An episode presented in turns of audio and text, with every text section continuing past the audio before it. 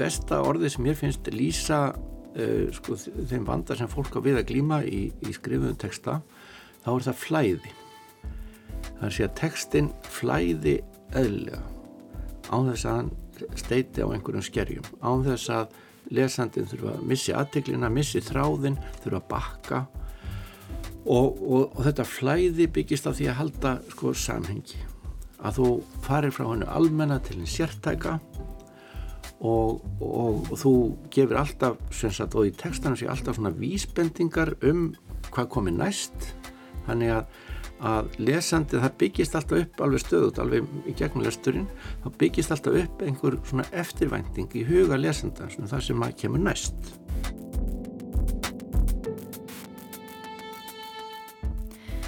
Fræðileg skrif eru ákveðin tegund rítunar sem enginast af hlutleysi, gaggríninni greiningu og rauksemdafæslu þar sem vísað er til annarar fræðilegar þekkingar.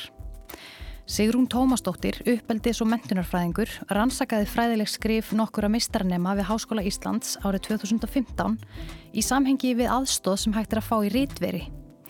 Við heyrum í henni setna í þættinum. Fyrst ætlum við að heyra í Baldri Sigursinni, profesor emeritus, sem stopnaði rítver mentavísindasviðis Háskóla Íslands á sínum tíma og var forstöðumadur þessum ára byll. Við erum Guðrún Línberg Guðjónsdóttir og Anna Sigriður Þráinsdóttir og þetta er þátturinn Orð af orði.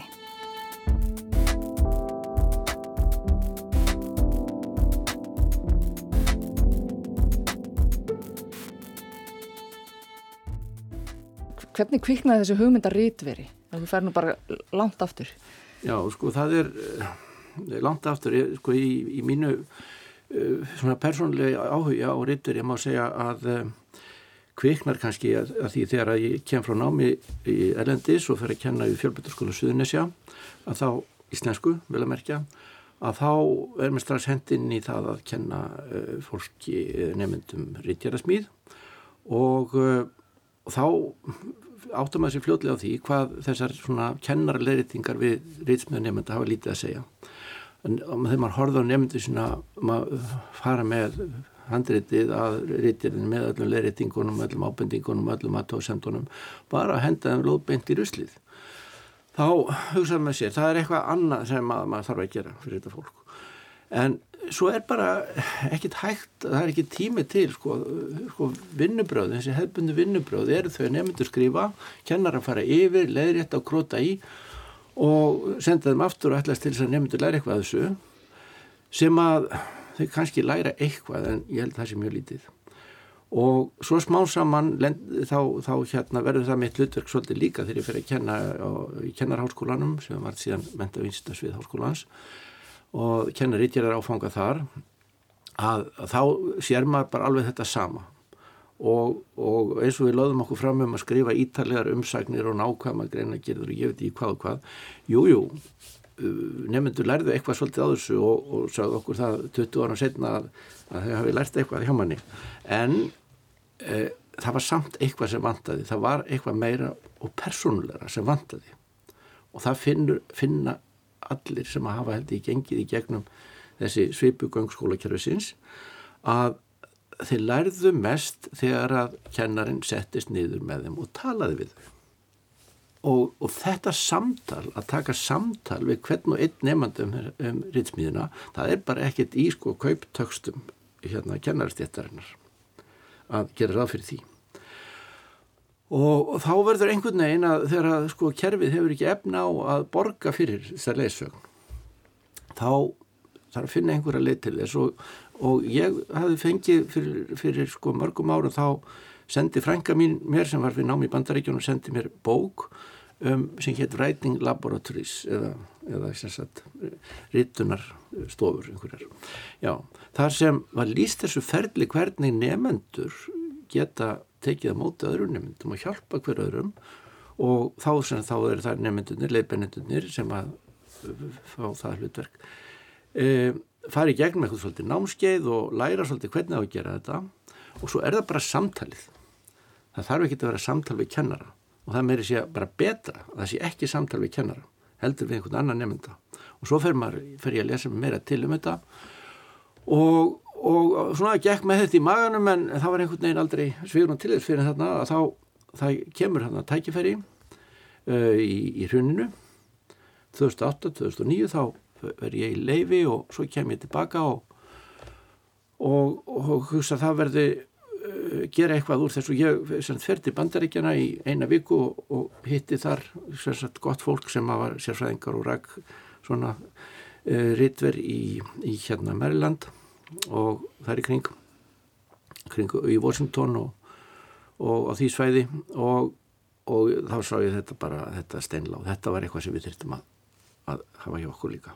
Og þetta myndi leysa þetta en að vanda sem ég er búin að ganga með alveg sem ég byrjaði að kenna að, að skriflegar leifinningar og krót og leirningar það bara hitta ekki mark. Það þarf samtal.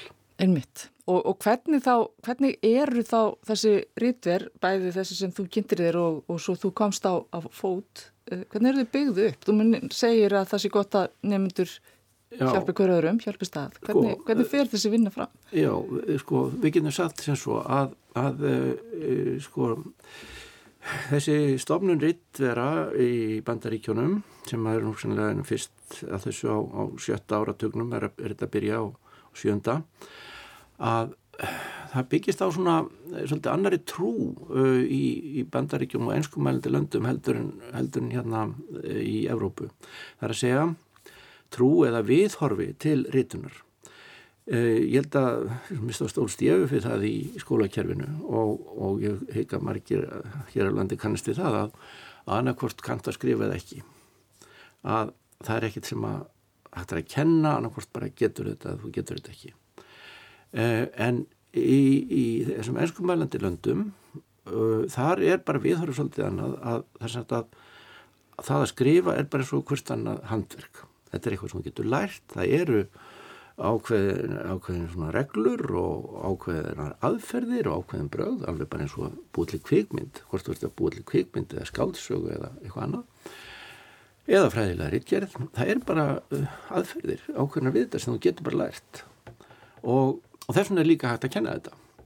En í Evrópu þá hefur verið svolítið svona anstaða uh, við það að, að það sé hægt að kenna rítun vegna þess að, að þetta er það er bara einhver mjög djúbrætt trú sem við höfum ekki farið varhlut af að þetta sé bara meðfættur eiginleiki.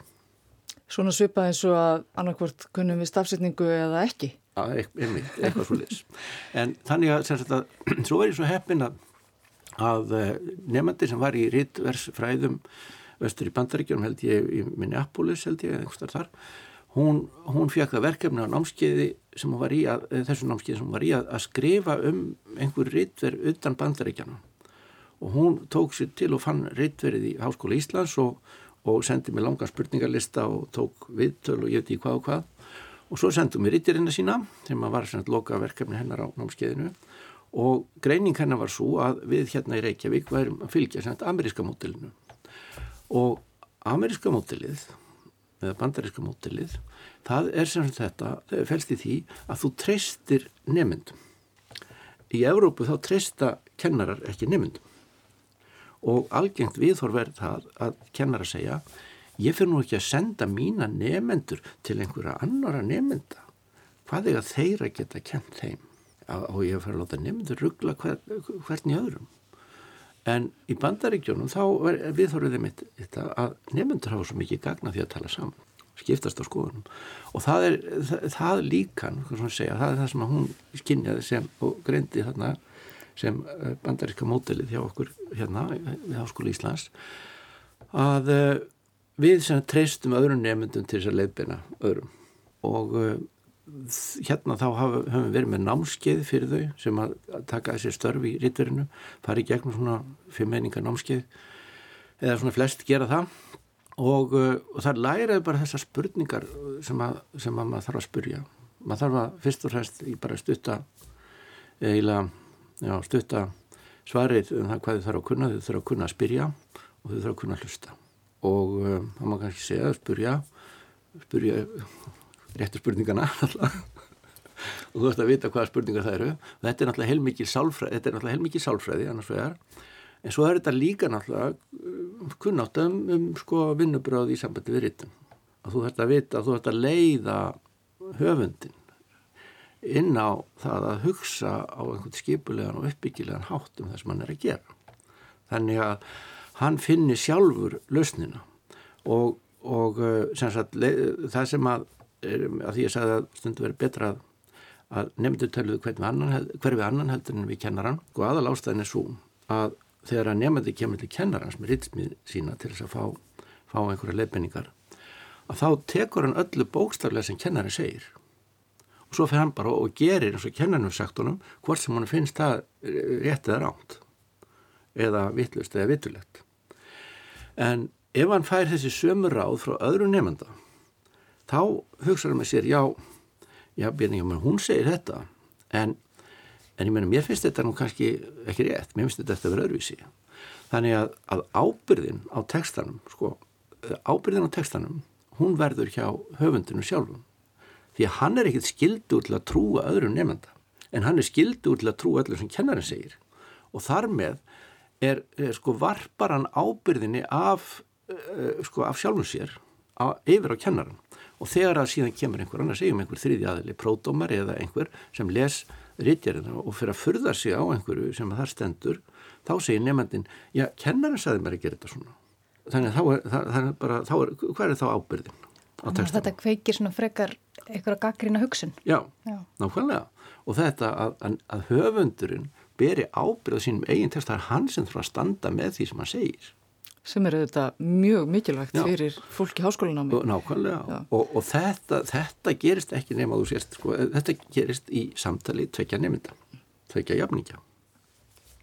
Og virkar rittverið þannig? Já, þá að virka þannig og, og, um, og það gerir það nú sem betur fyrir held í oftast nær en uh, auðvitað er, er, er allir misjafnir og, og bæði, bæði nefndunir sem koma og nefndunir sem starfi í ríturinu eru, og það eru misjafnir og, og í þessum svona leiðbenningum um fyrir verðandi starfsmenn rítvers þá er náttúrulega uh, varað við alls konar svona pittum sem að leiðbendunir geta dottið í og, og uh, algengasti pitturinn er einmitt sá að að ráðgjafn fyrir að breyða sér út um, um rítjarðarefnið og, og, og útskýra fyrir höfundinum hvernig hann myndir skrifa um það. Og, og þetta er sérstaklega hættulegt ef að, ef að kemur hérna, höfundur í rítverið með rítgerð um einhvern efni sem að kannski, kannski hérna ráðgjafn að skrifa um dóttarsitt, nei mistari rítgerð segjum eða, eða bakkalárítgerð eða var búin að skrifa um rítgerð nákvæmlega um þetta efni. Þá náttúrulega sér hann bara sitt efni þarna og hann náttúrulega þykist vita allt um það og aldrei geta ráðlegt en það er einmitt það sem maður má ekki gera. Og, og ég var nú, var nú sjálfur ráðgjafi í ríturinu fyrstu árin og, og nefndu kom oft með rítgerðir um mitt sérsvið. Og ég þóttist ekki vita neitt var alveg bara botnaði ekki til þessu og, og þurfti að láta útskýra allt fyrir mér. Og, og það er það sem rítunar ráðgjafin verður að gera að það höfundurinn er sérfræðingurinn í efninu, ekki ráðgjafin ráðgjafin getur bara svona ráðlægt um hvernig má, má hérna, koma orðum að hlutunum og hvernig maður setja þetta fram. Þannig að lesendur botna eitthvað í því sem höfundurinn er að segja. Og þannig að hugsun höfundarins komast í skila. Það er það sem þetta snýst um Sigrún Tómasdóttir, uppeldis og mentunarfræðingur hjá fjölskyldu og skólaþjónustu Hafnarfjörðar gerði fyrir nokkrum árum rannsókn á fræðilegum skrifum og rítfærni háskólanema og þeirri aðstóð sem jafningafræðsla í rítveri getur veitt. Hún kom til okkar í hljóðver og sagði okkur aðeins frá rannsóksinni. Sko, þessi tegund rítunar sem ég var að vinna með og skoða er þessi svo kulluðu fræðilegu skrif eða heimilda, heimildaritun þar sem er verið að styðjast við fyrirlikjandi heimildir um eitthvað ákveðið efni til þess að setja fram nýja þekkingu Tekstarnir sem Sigrún skoðaði í rannsóknsinni einkendust af svo kallari tjastlritun, því að skrifa án þess að semja. Sigrún skrifar í rannsóknsinni að það séu skipta skoðanir á því hvort tjastlritun tellist brot á reglum um höfundarétt eða hvort hún sé tegund skrifa sem eðlilegt er að háskólanemar beiti áður en þeir ná góðum tökum og fræðilegum skrifum. Þetta er svona endutekning. Það eru teknaklausur upp úr fyrirlikjandi heimildum og þeim er í rauninni bara raðað upp eða púsla saman með tilvísunasvegum á milli til þess að gera grein fyrir hvaðan þær koma en það er ekkert búið til úr þessu eins og einföld rannsók, hvernig er esjan á litin höfundur A fyrir að rannsaka þetta og segir hún sér græn, höfundur B segir hún sér blá og höfundur C segir hún sér hvít. Og niðurstaðan er bara svo að, að A segir græn, B segir blá, C segir hvít.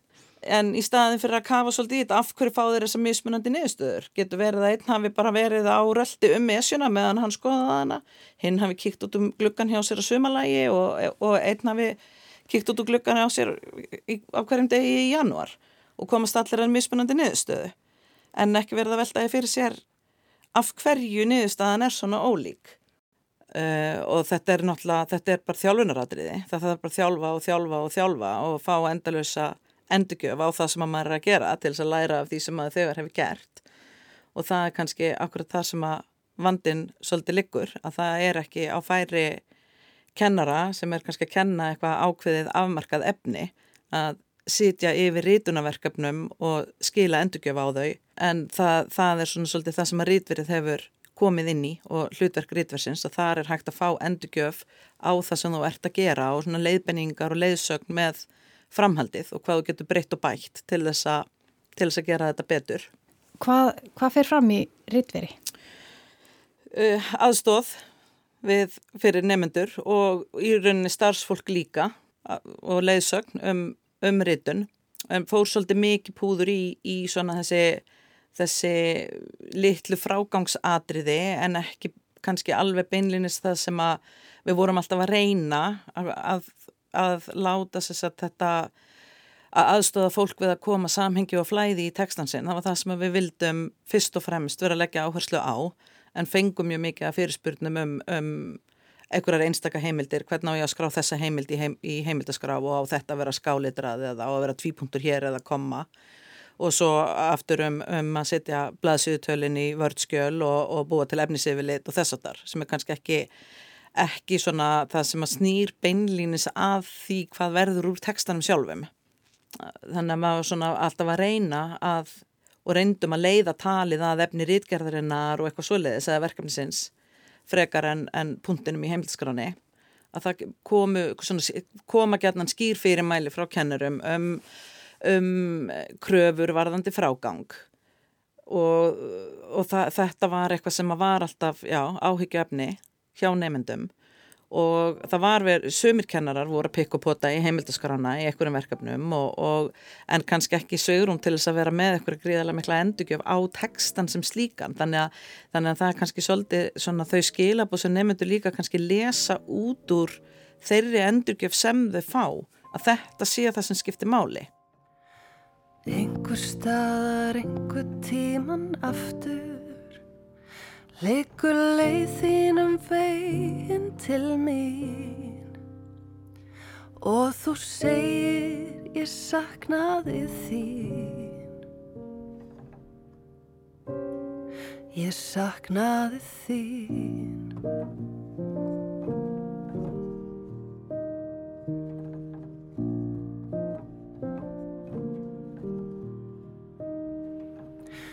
Killátt kvöldi kvistlar ástar orðum.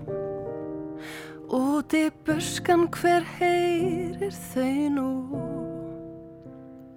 Út úr lífi mínu lappaðir þú.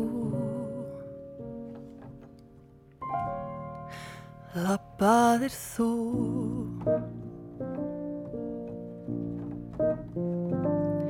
Ég nenni ekki að hanga hér Þó hugur dvelji oft hjá þér Lífi býður lík eftir mér. Það er alveg nóg af sorg og sút Svo ég ætla eitthvað út Að finna eitthvað félagskap Því hegg þú veist er samóð tap. Nú er bráðum tími til að þeia Því að ósagt nú á ég svo fátt. En ég sendi þér hverju í sátt. Hverju í sátt En ég nenni ekki að hanga hér Þó hugur dvelji oft hjá þér. Lífið býður lík eftir mér. Það er alveg nóg af sorg og sút Svo ég ætla eitthvað út. Að finna einhvert félagskap Því higg þú veist er samútaf Þetta er lag Magnúsar Eiríkssonar, einhver staðar, einhver tíman aftur, í flutningi GTRN og Magnúsar Jóhans. Við ætlum að halda áfram að ræða rítfærni háskólanema og rítver við Baldur Sigursson. Sko, þú stopnaðir þá þarna rítver mentavísindasviðis Háskóla Íslands. Já. Það hefur svona uh, breykað yfirráða svæðið sitt eitthvað, er það ekki, stækkað? Uh, jú, já, það má orða þetta þannig. Við, hérna, hérna fólk á hugvistasviði uh, hafði áhuga á þessu og, og tók eftir þessu. Við vorum svolítið að vinna náttúrulega með hérna, uh, þetta er svona svipuð hugmyndafræði eins og eins og er unni með í riðlistinni og hérna riðlistin svolítið byggist á þessu svolítið að, að þúðendar eru bara hjálpa svolítið hver öðrum, ræða svolítið um verk hver annars og, og lesa hver fyrir annan og, og vega og metta og, og skoða hvaða áhrif þetta hefur, tekstin hefur á, á viðtekendur. Og þetta er þannig án þess að kennari sem einhver bóð og bönn eða skipa fyrir en það hvernig neyja að skrifa.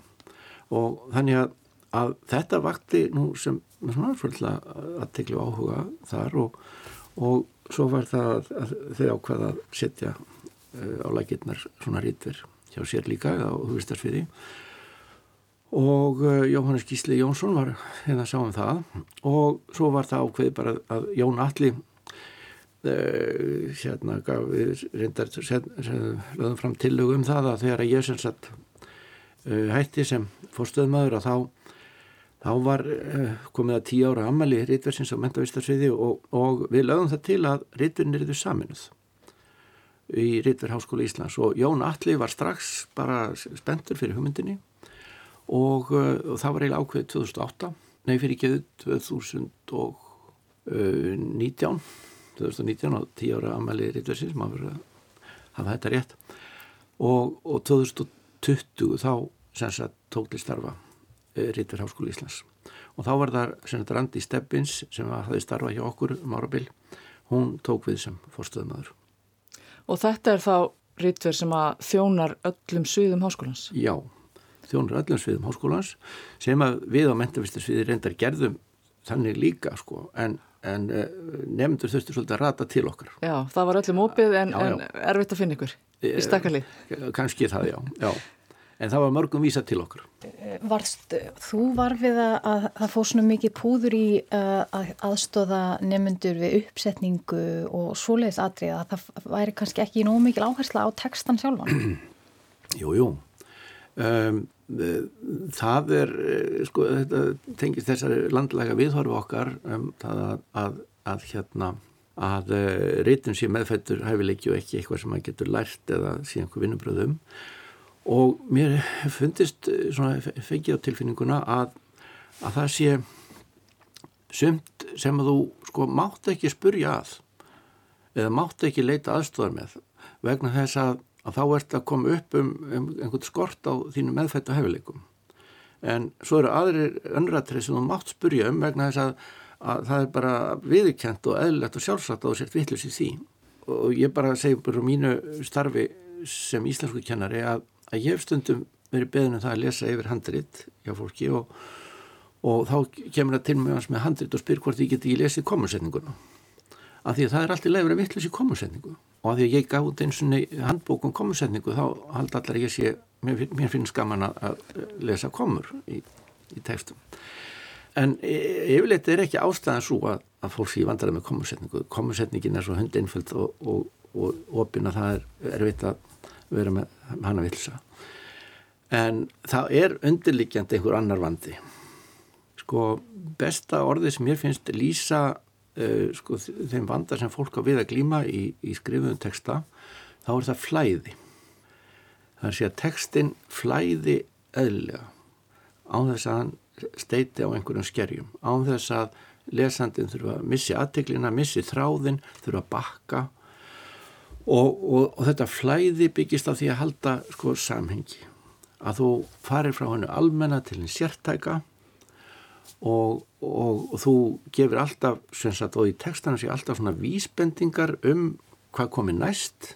Þannig að að lesandi, það byggist alltaf upp alveg stöðut, alveg í gegnum lesturinn þá byggist alltaf upp einhver svona eftirvænting í huga lesanda það sem að kemur næst og, og, og ef að þessar hugmyndir uh, sem að kvikna ósjálfrátt bara uh, jafnóðum og lesttekstan ef að þær standast, ef þær ganga upp þá finnst þér létt að lesa tekstan þá ertu fljóta að skilja og, og uh, tekstin er skýr og skipulegur og hérna og auðvelt að átt að sjá honum En aftur á móti, ef að textin uh, samfarir ekki, uppfyllir ekki þau lofur sem hann gefur um framhald, þá, þá tapar maður þræði, þá dett maður út. Og þá finnst í textin þvælinn, þokkulegur, erfiður og þá skrifa kennarar með rauðu í, í hérna, í, á spásíunni hjá nefndum vandarsamhengi eða samhengislaust eða rugglingslegt eða eitthvað. Og nefnandi skilur ekki hvað er í gangi. Hann skilur ekki byttu akkur þetta svona rugglingslegt mjög ofta er þetta að þú ferð frá, ferð frá veður einu í annað. Þú segist alltaf að tala um, um hérna, ég ætla að tala um hérna dagskrá rásreitt í ríkisútvarpinu og svo ertu alltaf að fann að tala um bylgjuna. Og kemur alltaf, já það eru svo margar aðra rútastöðar og, og til dæmis bylgjan. Og, og þá missir lesandi þráðin af því að hann átti von á því að þeir eru fjallaðin rásreitt sem að síðan er, hann er svikin um. Og, og svona er sko mjög mörg svona að textin hann er fullur af svona bara vísbendingum um framhaldið. Og, fullur af sagt, uppfylltum lofórðum og hann er líka uppfullur af sviknulofórðum og það eru textanir sem við eigum erfitt með að lesa Þetta hljómar svo svona huglegt að mann finnst svona eins og það er ekkit skrítið að það sé erfitt að kenna þetta og, en já, er, er erfitt að kenna rítfærni? Það er erfitt að kenna hann í hóp. Þú, þú, sko, það er best að kenna þetta með maður og mann mm -hmm. í mhm. samtali og, og þetta með flæðið að, að hérna aðferðin, eh, svona einföld aðferð sem ég nota í rítverinu til þess þegar maður hefur bara, nefnd, maður hefur bara texta nefndans og það er á því sem maður lærir. Að maður byrja með einhver greinaskil, tekur fyrstur setninguna og svo leggur maður höndina yfir framhaldið og segir, nú, alltaf, hérna er þessi setning. Hvað finnst þér að þetta koma næst? Hvað finnst þér að þetta koma næst? Og nefnandi lesa þessi setningu og segir já, dagskrá í dagskrá ríkisútarfsins á rás 1 hefur verið enginnst af menningulegri þáttagerð. Allt í legin jú, eitthvað meira um þessa þáttagerð eitthvað meira um þessa menningu eitthvað meira um þessa rás 1 en svo kemur kannski næsta setning fjölmarka aðrar, aðrar útastöðar eru líka með þætti eins og til dæmis bylgjan. Þetta var ekki það sem bjóst við. Og, og þegar nefndin áttar sig á því að, að, að lesandin hann er að býða eftir að fá meira þarna, þá sér þau já flæðið í textanu byggist á því að þú, að þú uppfyllir væntingar og vonir lesandars um framhaldið. Nefndin sér þetta sjálf, hann sér sjálfur að, að það er ekki flæði ef að ingámsetningin um menningarlega dagskrafgerðar áseitt eh, hérna er ekki fyllt eftir af einhverju um þessa menningarlegu dagskrafgerð að þá er hann að rjúa flæðið. Þá bara textin steitir bara skeri og hann sér þetta strax. Ef ég spyr hvað finnst þér eða að koma næst og, og leðum að bara teku svona eina setningu inn og segja heyrðu hvað hvað á að koma í framhald af þessari setningu? Já og, og þau bara fatta þetta strax. En þetta fattaðu ekki eða það kemur bara rautt stryk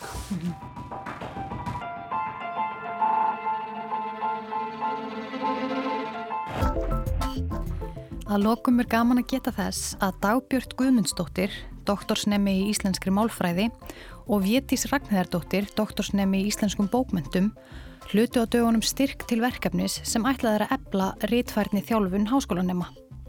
Það snýr bæði að fræðilegum skrifum eins og þeim sem Baldur og Sigrún hafa talað um og líka skapandi skrifum og er í formi námskeiða við Háskóla Íslands sem markmiðið er að gera aðgengilegt öllum grunnemum. Þetta var orðavorði. Viðmælendur í þættinum voru Baldur Sigursson og Sigrún Tómasdóttir. Tæknimaður er Lítja Gretarsdóttir, Guðrún og Anna Kveðja.